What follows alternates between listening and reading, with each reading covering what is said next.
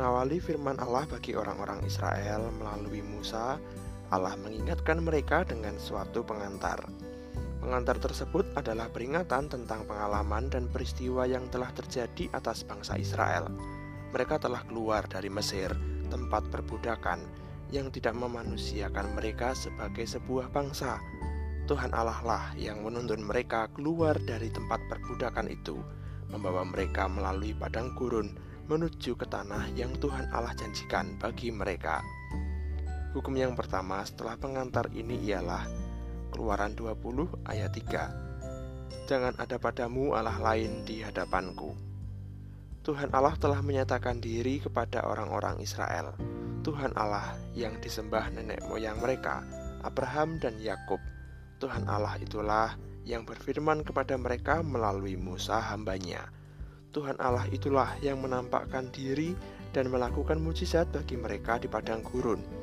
Orang-orang Israel dalam situasinya tentu melihat juga keberadaan bangsa-bangsa lain. Mereka juga ikut mengetahui kebudayaan dan kepercayaan bangsa-bangsa lain. Bila mereka mudah goyah dalam iman mereka kepada Tuhan Allah yang mereka sembah, mereka dapat berpaling kepada sesembahan yang lain.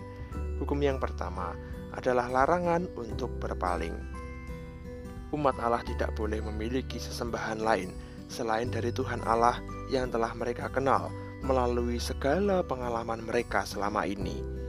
Larangan untuk berpaling adalah panggilan kesetiaan yang kuat dari Allah bagi umatnya.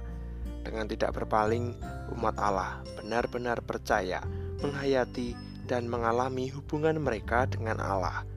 Berbeda dengan keadaan orang-orang Israel pada masa lalu itu, masa modern Sesembahan yang lain itu tidak selalu berkait dengan yang ilahi, sehingga membuat manusia berpaling dari Tuhan Allah. Bila orang-orang Israel dahulu harus mewaspadai sesembahan yang ilahi yang keliru, yang disebut Allah lain, manusia modern harus mewaspadai wujud lain yang membuat mereka berpaling dari Tuhan Allah, meskipun itu bukan berwujud sesembahan ilahi. Manusia bisa tergoda pada ambisinya atau motivasinya atau sesuatu yang dianggapnya sangat berharga dan lain sebagainya.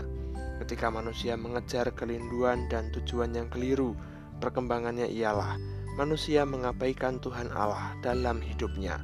Oleh karena itu, setiap orang harus mewaspadai bukan tentang sesembahan lain, melainkan berhala-berhala yang membuat diri manusia berpaling dari Tuhan Allah yang telah memberkati dan memberikan anugerah.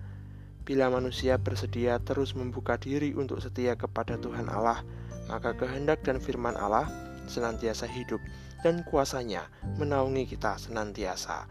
Di situlah kasih Allah memenuhi kita sehingga kita bisa belajar mewujudkan ketulusan hati bagi Allah dan sesama.